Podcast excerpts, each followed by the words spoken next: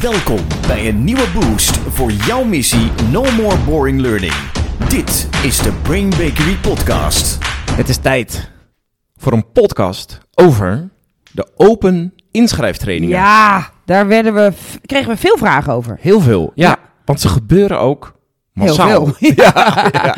Ja. ja, en wij hebben daar eerder, eh, heel veel eerder een podcast gemaakt over waarom je eigenlijk altijd in trajecten Ja. zou moeten werken. Nu kan een open inschrijving in theorie een traject zijn, maar Ja. vaak zijn het eh, ook wel eendaagse trainingen. Of tweedaagse of driedaagse. Ja. Ja. Ehm, maar ze blijven gebeuren. Wij vinden er wat van. Ja. En eh, we gaan eens even de voor- en nadelen vanuit verschillende perspectieven bekijken. ja, laten we eens even kijken wat het betekent vanuit de deelnemer en degene die de deelnemer stuurt. Hè? De betaler, de, de sponsor van de deelnemer. Soms ben je dat natuurlijk zelf, maar soms is dat je organisatie. En laten we ook eens even kijken naar wat zijn er de voor- en de nadelen voor de trainer en het trainingsbureau. Ja. Nou, wat leuk dat jullie weer luisteren. Ja. Je hoort het, we zijn weer begonnen met een Ja. nieuwe aflevering van, eh, van No More Boring Learning. Lekker dat je weer meedoet in de missie. En ja, de vraag is eigenlijk, is een open inschrijving is nou boring learning of no more boring learning? Ja, Daar gaan we eens eventjes eh, kijken. Dus mocht je bij een eh, organisatie werken die aan open inschrijftrainingen doet, of je bent zelfstandig trainer of inkoper en je overweegt het organiseren van een open inschrijftraining, luister lekker mee om te kijken, is dat verstandig en pak ik dat dan goed aan? Ja. Laten we beginnen als eerste even met de deelnemer. De deelnemer van een open inschrijftraining. En als je kijkt naar de, de top 5 van de bureaus, die hebben meestal contracten met grote instellingen, grote bedrijven, zodat die mensen daar terecht kunnen. Maar er wordt ook ongelooflijk veel gegoogeld op donderdagmiddag. Iemand heeft net te horen gekregen, ja, time management is echt gewoon volkomen ruk. Eh, jij moet op cursus. Ga maar naar een training. Dan gaan we googlen. HR gaat googlen. L&D gaat googlen. Of de deelnemer zelf gaat googlen. Die vindt een training en die gaat daarmee aan de slag. Ja.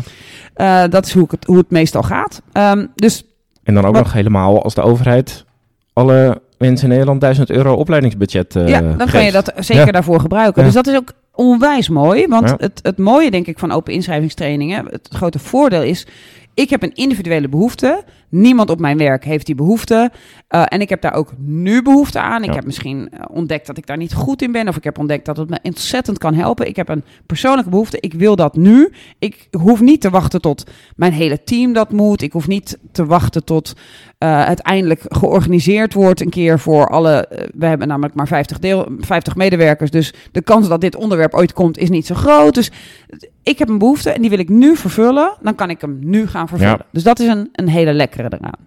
Meestal kan het ook op korte termijn, hè, want je googelt de vijf grote bureaus. Ehm, dan kun je daar vaak eh, bij hen op meerdere data terecht.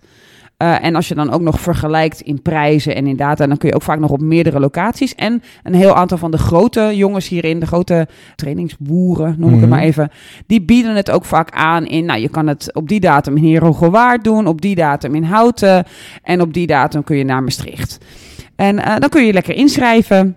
Top. Lekker dicht bij je huis, Ja. op korte termijn, boem, behoefte vervuld. Dus de locaties zijn lekker flexibel en je kan hem voor jezelf doen.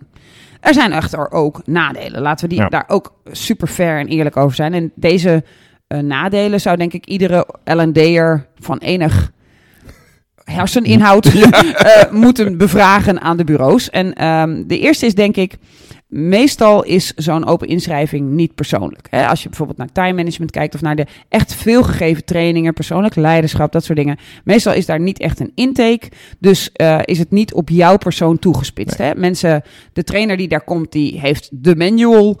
Of die wordt van tevoren vaak ook nog naar het hotel waar het dan weer gehouden wordt op de locatie, wordt die opgestuurd. Daar ligt dat gewoon allemaal klaar. Ja. Dat is standaard. Het is niet van, nou, waar kom jij precies voor? Het is niet persoonlijk, we draaien dit programma Ja. af. De zogenaamde training van de plank. Ja, training van de plank. Ja. Dat be- betekent ook vaak, niet altijd, dus daar gaan we we gaan straks naar de uitzonderingen kijken, maar heel vaak betekent het dat de trainer niet jouw werkcontext kent. Hè, dus die heeft eh, in zijn eh, persoonlijk leiderschap heeft hij iemand van de brandweer die heel ander persoonlijk leiderschap misschien nodig heeft dan iemand die ambtenaar is, dan weer iemand die werkt bij een bank, dan weer iemand die werkt in de horeca. Hè, dat zijn vier ongelooflijk verschillende contexten, eh, waarbij de een, zoals de brandweer, wordt geleefd door, nou ja, heel veel vrije tijd en ja, dan weer een ja. calamiteit en dan het op en afschakelen en daarin niet zeggen van nou, in mijn time management wil ik nu even geen calamiteit, dat, dat kan niet. Eh, horeca, hetzelfde laken een pak. Eh, als de gasten binnenkomen, you better be there. Terwijl de ambtenaar misschien heel goed kan schakelen in zijn tijd. Dus die heeft een heel ander vraagstuk rond bijvoorbeeld dat time management voorbeeld. Dus de kans dat de trainer transfer kan maken en voorbereid is op transfer naar jouw context, is niet heel groot. En als laatste ehm, weet je ook niet welk level van mensen je aantreft. Nou, ik denk dat dat een, een hele herkenbare is. Ik weet dat ik toen ik hoofdopleidingen was bij, ehm, bij Manpower, Mhm. toen stuurden we op een gegeven ogenblik, omdat hij dat echt had verdiend, we wilden investeren in een van onze directeuren, die stuurden we naar een geweldig MBA. Eh, duur, eh, vier jaar lang commitment. Nou, echt, echt flink investeren in de hoop dat hij nog beter werd en dat hij eh, nog langer bleef. En ehm, hij kwam daar aan en bij die specifieke eh, MBA-aanbieder doen ze geen preselectie. Wie mag er komen? Dus hij zat in de groep met onder andere twee secretaresses. Nou, eh, voordat iedereen Ja. woedend wordt. Ja. Secretaresses doen het zwaarste werk van het land. Ik heb ongelooflijk veel respect eh, voor het werk van de secretaressen. Alleen deze secretaresses hadden het allebei gekregen als een cadeau van de baas. En niet als een cadeau van de baas om te zorgen dat zij nog weer beter werden in hun vak. Of eh, vervolgens manager gingen worden en, en de, de company gingen Ja. leiden. hè. Het, het beroemde voorbeeld van Southwest Airlines. Waarbij de secretaresse van de grote baas uiteindelijk de CEO Ja. werd. Dat was niet de intentie. Dit was... Nou, je hebt het heel goed gedaan. Ik heb nog een potje. Ga, ga maar, ga maar lekker naar de training. Dus die twee secretaressen die hadden niet de vraagstukken, niet de moeilijkheid en niet de complexiteit die de echte deelnemer wel had. Ja. Eh, want ja, daar hadden ze ook geen ambitie voor. Dat, dat ging, daar ging het niet om voor hen. Dus als je dan vervolgens in je afstudeergroepje komt en je wordt met hen twee ingedeeld.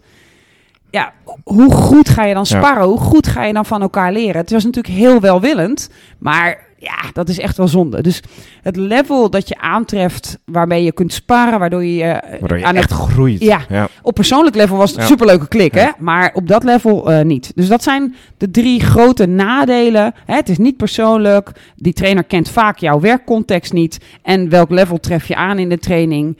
Ja, eh, een beginnend leidinggevende bij een, Ja. een senior leidinggevende over een cursus geavanceerd leidinggeven. Ja, beetje jammer. Eigenlijk kun je zeggen voor eh, de deelnemer is het grote voordeel is het, is het gemak. Ja. Als je dat soort samenvat, die dingen. Ja. En het nadeel is, je moet echt een soort bijna geluk hebben Ja, dat de training precies past bij ja. de wereld waarin jij je beweegt en de vraag die je hebt. Ja, en je moet dus veel vragen gaan stellen en dus eigenlijk bijna een lastige deelnemer zijn Ja. om die trainer te dwingen om het naar jouw context te vertalen. Ja.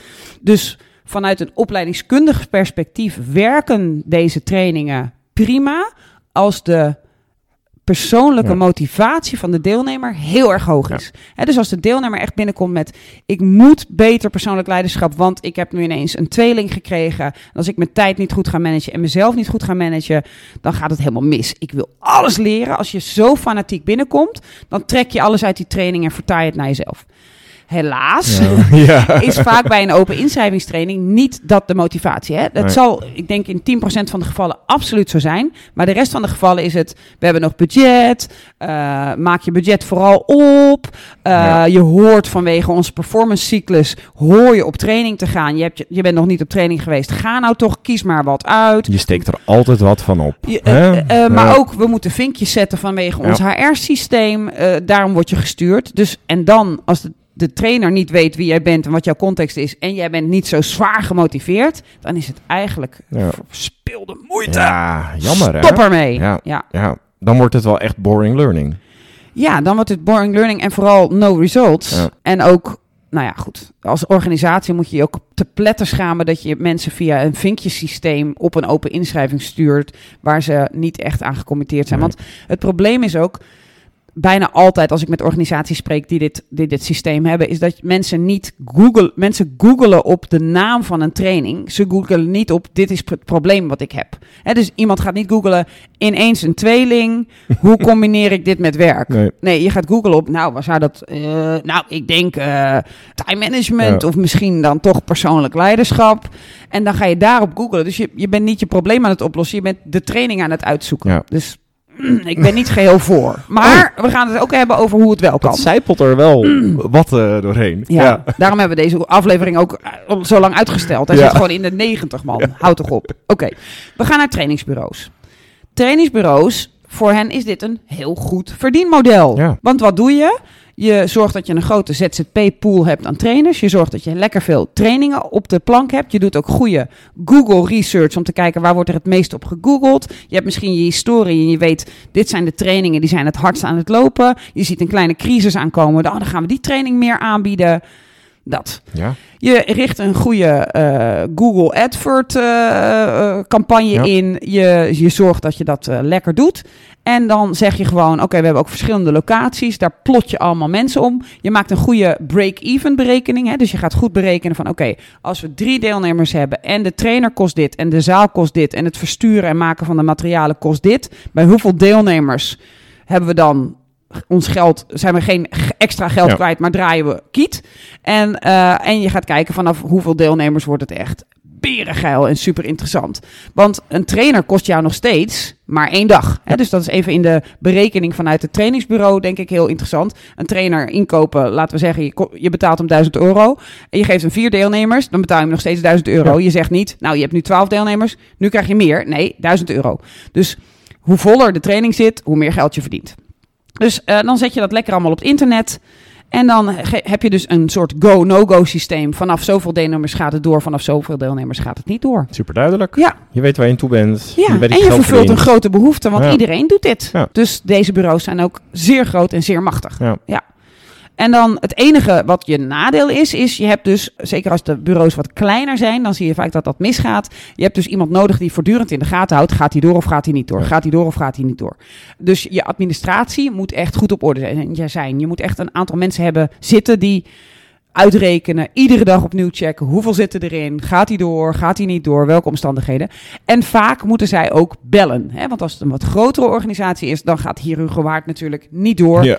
En Maastricht ook niet. Dus dan moet je die deelnemers bellen. En het fijne is, ze hebben zich al gecommit. Dus ze zijn al ingeschreven. Dus je zegt, helaas gaat Maastricht niet door. Maar, Maar Houten gaat wel door. Ja. En het is geen maandagavond of een maandag en een dinsdag. Maar het is een donderdag en een vrijdag. Wanneer kun je wel? Je bent voortdurend deelnemers aan het verplaatsen.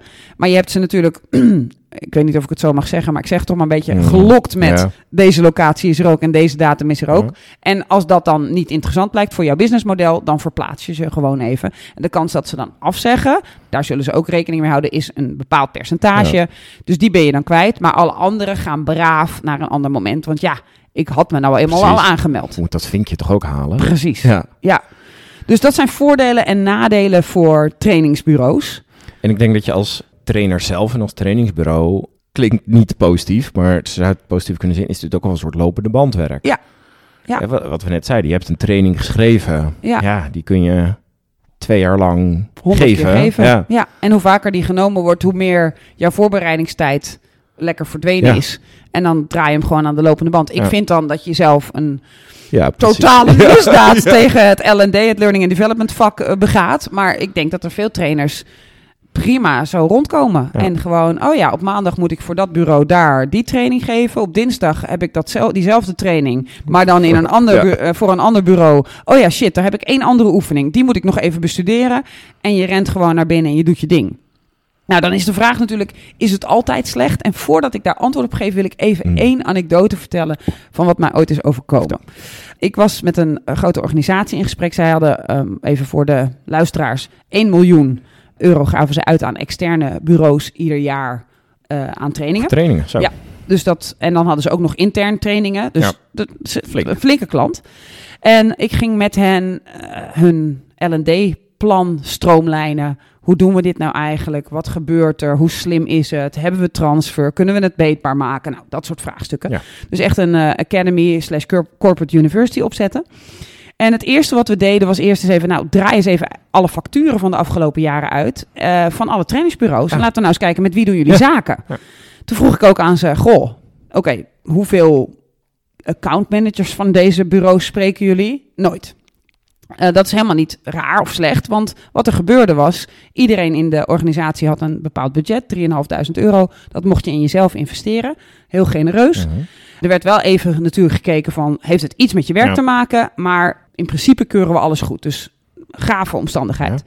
Maar wat er gebeurde was dat iedereen googelt op, dit lijkt me leuk, dit lijkt me leuk, dit li- lijkt me leuk. En dan als iemand iets deed, dan vertelde die ook aan de rest, dit was heel gaaf, heb ik heel veel aan gehad, enzovoort. Ehm, dus ik zei van, hebben jullie deze bureaus ooit gesproken? Nee. Nou, dus dan zeiden we, nou laten we de top 5, waar we het meeste geld aan uitgeven, laten we die eens uitnodigen van, goh, wij zijn kennelijk businesspartners, maar we hebben elkaar nog nooit ontmoet. Laten we even gaan doen. En wat ik wilde eh, proberen was om de L&D'ers in de, de organisatie even slimme vragen te laten stellen. Niet vervelend, gewoon slim. Dus we hadden als vragen hadden we onder andere, eh, wie zijn jullie? Hè, vertel eens even jullie bureau. Eh, we zien de kleuren en de logo's, maar hm. Eh, tweede, wat onderscheid je nou van alle andere bureaus? En de derde vraag die we hadden was, voor welke training, voor welke specifieke training moeten we echt bij jullie zijn? Dat is echt jullie signature training, daar zijn jullie beter in dan de rest. Wat is nou the one? Nou, toen nodigen we de, de vijf bureaus uit en eh, die waren heel blij om te komen natuurlijk, hartstikke gaaf. We zeiden ook van, wellicht willen we wat keuzes maken. Want als we erachter komen dat jullie Ja. heel goed hierin zijn, willen we misschien vaker met jullie samenwerken. Dus we hadden echt heel Ja. transparant uitgelegd, dit is wat we aan het doen zijn. Toen kwamen alle bureaus en wat mij als eerste opviel was dat geen van de bureaus had aan hun kant uitgedraaid hoeveel business doen we eigenlijk met deze organisatie. En voor welke trainingen benaderen jullie ons nou veel? Of een kleine research van wat voor cijfer krijgen onze mensen. Dat werd allemaal niet gedaan. Oh. Dus dat vond ik al Niet, voorbereid. niet. Nee. Nou, dat stuk was in ieder Nee. geval niet voor. Ze hadden gelikte presentatie. Ja. En ze kwamen ook met hoge mensen. Het was echt, ze hadden het echt serieus genomen. Maar dat stuk, ik ben geïnteresseerd Ja. in jouw leervraag. Dat was voor mij het allerbelangrijkste. Van ik zie dat jullie ons allemaal mensen sturen op dit gebied. Zullen we daar niet iets, iets slims mee doen? Hadden ze niet gedaan. Dus ja, we willen meer business. Ja. Maar niet, we're interested in what you try to learn. Ja. En waardoor, waardoor denken jullie dat dat komt en nou, niets. Nou, vervolgens eh, gingen we natuurlijk al, al die vragen even langs. En het enge was, alle vijfde bureaus vonden het heel moeilijk om aan te geven, terwijl we de vraag van tevoren hadden ingestuurd. Hiervoor moet je ons hebben. Dit is Dat de training, ja. of dit zijn de drie trainingen, of dit is, het, dit is het ding wat wij altijd in een training doen, waarin wij echt anders zijn dan de rest. Daar was, kwam eigenlijk geen antwoord op. Dus ik merkte dat mijn collega's daar eh, licht gefrustreerd raakten. Ja. En we gingen het natuurlijk wel beleefd en liefdevol houden, want nou, het heeft geen zin om iemand eh, af te zeiken, behalve als je het in een podcast doet. Dan geef ik gewoon mijn mag bek en dat. douw Ja. en dan ga ik Ja. weer. Eh, maar, dus we, we hielden het beleefd. Toen kwamen wij die laatste vraag van eh, ook ons onderscheidend vermogen. Waarvoor moeten we jullie nou hebben? En toen zei een van die grote bureaus, dat vergeet ik nooit. En ik weet ook dat het echt een minuut lang daarna stil was. En dat die persoon het niet doorhad Oh jee. wat hier gebeurde. En dat was waarom je ons moet hebben. Wij hebben het grootste callcenter. En dat werd echt met veel trots verteld. Het grootste callcenter. Ja, dus ik merkte dat er een soort narige sfeer aan, aan onze kant van de tafel ontstond. En ik dacht, dat, dat, dat wil ik niet. Want deze mensen hebben zich ook allemaal voor... Weet je, eh, niemand staat 's ochtends op om, Nee. om, om vervelend te doen. Tenminste, de meeste mensen niet. En dus ik zei van, nou, wat gaaf. We willen heel graag begrijpen waarom dat zo'n groot Ja. voordeel is. Vertel eens even, wat, wat maakt dat dat... Want we zien hem nog niet helemaal, merk ik. Maar dat is vast een groot voordeel. Waarom is dat zo'n groot voordeel? Nou, vertelde deze senior account manager. Omdat als je ons dus belt, Mhm. is er altijd iemand die opneemt. En denken we met je mee welke training je bij ons kunt volgen. En als je moet verzetten of verplaatsen, dan zitten onze learning specialisten erbij. En die kunnen dat allemaal voor je regelen. Fantastisch. Ja, en dat gaf mij dus aan. Dus Ja. deze bureaus denken echt in grote massa's Ja. mensen bedienen. En ik geloof ook nog dat ze dat doen met een goede intentie. Maar als je kijkt Ja. naar waar ons vak echt over gaat, dan krijg ik hier wel Ja, een slappe... Nee, hard. nou ja, iets. een enorme migraine Ja. van, eh, die nooit meer weggaat. Ja, hier, hier is het label leerfabriek. ja, Is natuurlijk waarbij de nadruk nog wat meer ligt op fabriek ja. dan op eh, leren. Ja, dus daar, daar, daar ben, ik Ja. ben dat nooit vergeten. En Nee. ik heb sindsdien ook met best wel veel organisaties die ons bellen van... denk eens met ons mee, hoe, he- hoe hebben we het nou georganiseerd? Ja. Waar kan het nog beter? Hoeveel resultaten boeken we eigenlijk? Ehm, hoe kunnen we dat meetbaar maken? Er zit altijd graag een exercitie die ik even doe... om, om echt even te weten, wie zijn nou die partners Ja. waar ik dat geld aan uitgeef? En, En in hoeverre zijn zij echt committed aan, aan betere resultaten? Dat ze committed zijn aan trainingen, snap Ja. ik. Dat ze blij zijn met hun acht of hun negen en dat ze daar advertenties van langs de weg zetten, dat snap ik ook. Maar in hoeverre willen ze echt weten, deze organisatie gaat hierover, hoe maken we je Ja. beter? En daar schrik ik dan toch wel van.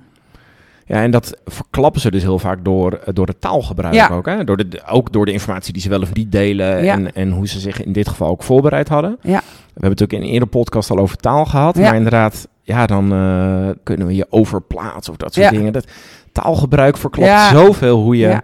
kijkt naar leren. Ja. Eigenlijk soms dus niet kijkt naar Nee, leren. ja. En wat ik ook belangrijk vind om te zeggen, nu doen we anders ook een heleboel organisaties tekort. Want ik, eh, wij geven zelf bijvoorbeeld ook een open inschrijving. Onze Ja. trainer-trainer jaartraject is een open inschrijving.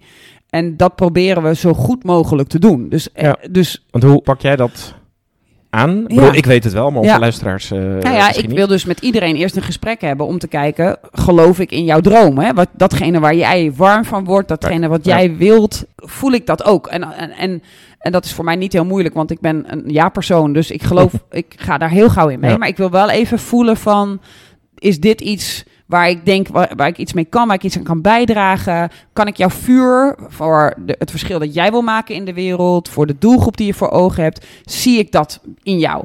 Dus dat is, als ik je sorry Ja. voor de onderbreek, dat is eh, meer dan, hè, want ik denk dat veel organisaties misschien wel een soort intakegesprekje Ja. doen, maar dit is niet alleen maar, nou, vertel even kort iets over je werkcontext. Dit gaat, Nee. dit gaat dieper. Je Ja. wil in een soort, ik wil, ik wil het vuur met je aangaan, Ja. zoiets. Ja. echt een Ja. partnership. Ja, ja, en dus voelt het voor mij ook veel meer als een lekker gesprekje Ja. dan als een intake Ja. met 16 vragen. Ja. Want die heb ik helaas ook wel eens ondergaan. En dat voelt dan meer van ik wil je in een hoekje kunnen duwen en daarvoor heb ik al deze checklists. Maar meer, wat, wat is de droom? En bij sommige mensen is de droom, ik weet het nog niet precies, maar ik voel dit en dit. En daar kan ik me vaak ook aan verbinden. Ja. Dus nou goed, dus dat persoonlijk maken. Het tweede is, ik moet dus weten in welke context werkt deze persoon. Ja. Als jij eh, een stichting aan het oprichten bent voor een bepaald goed doel en daar wil je trainingen op scholen in gaan geven, dan moet ik daar iets van snappen. Want als ik dan mijn training zelf voorbereid, de dag, Mhm. dan ga ik nadenken: oké, hoe maak ik dit stukje relevant voor hem? Hoe maak ik dat stukje relevant voor haar? Ja. Hoe kan ik bij ieder ding dat ik doe verantwoorden? Jij hebt daar dit aan, jij hebt daar dat aan. En als jij er op deze manier naar kijkt, heb jij er veel aan. Dus het meenemen van al die dromen en doelen in de voorbereiding van ieder trainingsstuk is een essentieel onderdeel. Want als ik niet kan verantwoorden. Ja, ik doe dit nu even, maar jij met jouw omstandigheid hebt hier geen hol aan. Ja. Dan mag het niet in mijn training. Dus dat is, wat ik nog wel eens hoor, is dat trainers bij, vooral bij open inschrijftrainingen, eh, naar hun dag kijken en Ja. denken, zit er in de dag iets dat relevant is voor mijn deelnemers? Eh, maar wat jij doet is per onderdeel kijken. Hoe Ja. kan ik dit onderdeel relevant maken Ja. voor de Ja. groep? Ja, dus ik kijk naar wat gebeurt er nu in de groep en waar staan ze ongeveer? Wat, wat zouden ze dan nodig kunnen hebben? Daar probeer ik iets voor te maken. Maar vervolgens doe ik een check achteraf. Met kan ik dit relevant maken voor ieder van hen? Met, met hun eigen leerdoel. Met hun eigen leerdroom, Ja. wens. Niet, niet leerdoel zoals... Nee. Nou, nou goed, maar dat begrijpt iedereen wel. Ja. Ja. En het, het laatste wat ik natuurlijk ook check is welk level hebben de mensen? En dan maakt het voor mij niet uit hoeveel trainerservaring ze hebben, want dat kunnen we door elkaar mengen. Maar wel hoeveel, eh, welk level aan commitment heb je, welk level aan, eh, op welk level sta jij en, en hoe vurig ben je hiervoor aan het gaan. Dus ik denk, en ik ben zelf ook nu net toegelaten tot Harvard, als je dan weet hoeveel, door hoeveel hoepeltjes je moet springen Ja. om te mogen deelnemen aan een cursus op Harvard. dat is echt ongelooflijk. En dan houden ze dus rekening met eh, diversiteit, met eh, hoeveel mensen komen uit Amerika, hoeveel van daarbuiten. Maar ook met eh, in welke organisatie werk je. Zitten die organisaties een beetje op eenzelfde level? Dus dan kun je heel vaak onwijs afgewezen worden. En ook hoeveel studie heb je hiervoor gedaan? Ben je een beetje een studiebol? Nou, dat soort dingen worden allemaal gecheckt. Dus alleen al het gevoel van durf ik me überhaupt aan te melden? Want Ja. maak ik überhaupt een kans? Zorgt al dat je eigen motivatie ontzettend groeit. Dus ik denk dat er heel veel organisaties zijn die hun open inschrijvingen op deze manieren eh, aanbieden. En dat dat heel goed is. Alleen als je ziet dat ze 20 of 30 of 50 of 70 onderwerpen aanbieden op Ja. 16 plaatsen in het land, dan zou ik echt, ik zou iemand daar alleen heen sturen die echt een zwaar commitment heeft, die echt iets wil leren en die dat nu wil. En die, eh, Die bewijs van spreken zegt, als jij het niet betaalt, ik betaal betaal ik het ongeveer eh. zelf, Ja, want ik ja. heb dit nu Ja, nodig. Dan wil je hem sturen. Maar anders zou ik het heroverwegen. Ja, van dan stuur je ze toch naar een soort... Maar we hebben wel het grootste callcenter, fabriek. Ja. En, en je stuurt ze naar ook een leuke dag. Want er is een leuke lunch, ze leren leuke mensen kennen. Dus het probleem is natuurlijk, niemand wordt ontevreden Nee. ervan. Nee. Alleen, wat levert het op? Ja, maar hè. Ja. Dus ja, dat wou ik even kwijt over Ja. eh, open inschrijvingen. ja, dus eh, het is overduidelijk, we zijn er niet fan van. Nee. Nee, maar met een heleboel nuances en mitsen en maar en goede voorwaarden en slim nadenken... kan het voor alle partijen goed heel werken. goed werken. Ja. Ja, Ja. Maar dan moet je er dus wel werk in stoppen. Ja, nou, maar ik heb bijvoorbeeld laatst een. eh, ik wilde mezelf bekwamen in financieel dingen snappen. Want ik hou van het reizen, ik hou van het boeken schrijven, podcast maken, trainen, ontwerpen. Vind ik allemaal te gek. Ja, maar lieve mensen. Maar lieve mensen, administratie, Nee. fuck dat. Ehm, dus ik dacht, ik moet me daarin bekwamen. En als je dan gaat kijken in het leerlandschap rondom financieel leren, dan zie je daar fantastische mensen in die echt dat ene ding briljant doen. En die je ook alleen maar toelaten op het moment dat je denkt als een ondernemer. Ja. Of als je juist niet de ondernemer bent, maar de financieel adviseur. Nou, dan hebben, hebben ze daar een andere training voor. Ja, en dan weet je dat je redelijk goed zit. Ja. Ja. Heel goed, de open inschrijftrainingen. Het kan Ja, met slim, goed werk, veel opleidingskunde en vooral ervoor zorgen dat het voor je elke deelnemer super relevant is. Dat het past bij zijn of haar context. Ja, en dan leer- is het en briljant. leerdroom. Ja, Dan is het briljant. heel goed. Eh, bedankt allemaal voor het luisteren. En natuurlijk heel graag tot de volgende aflevering. Doeg. Doei doei. No more boring learning. Dit was de Brain Bakery podcast. Wil je meer weten? Kijk dan op brainbakery.com of volg ons op onze socials.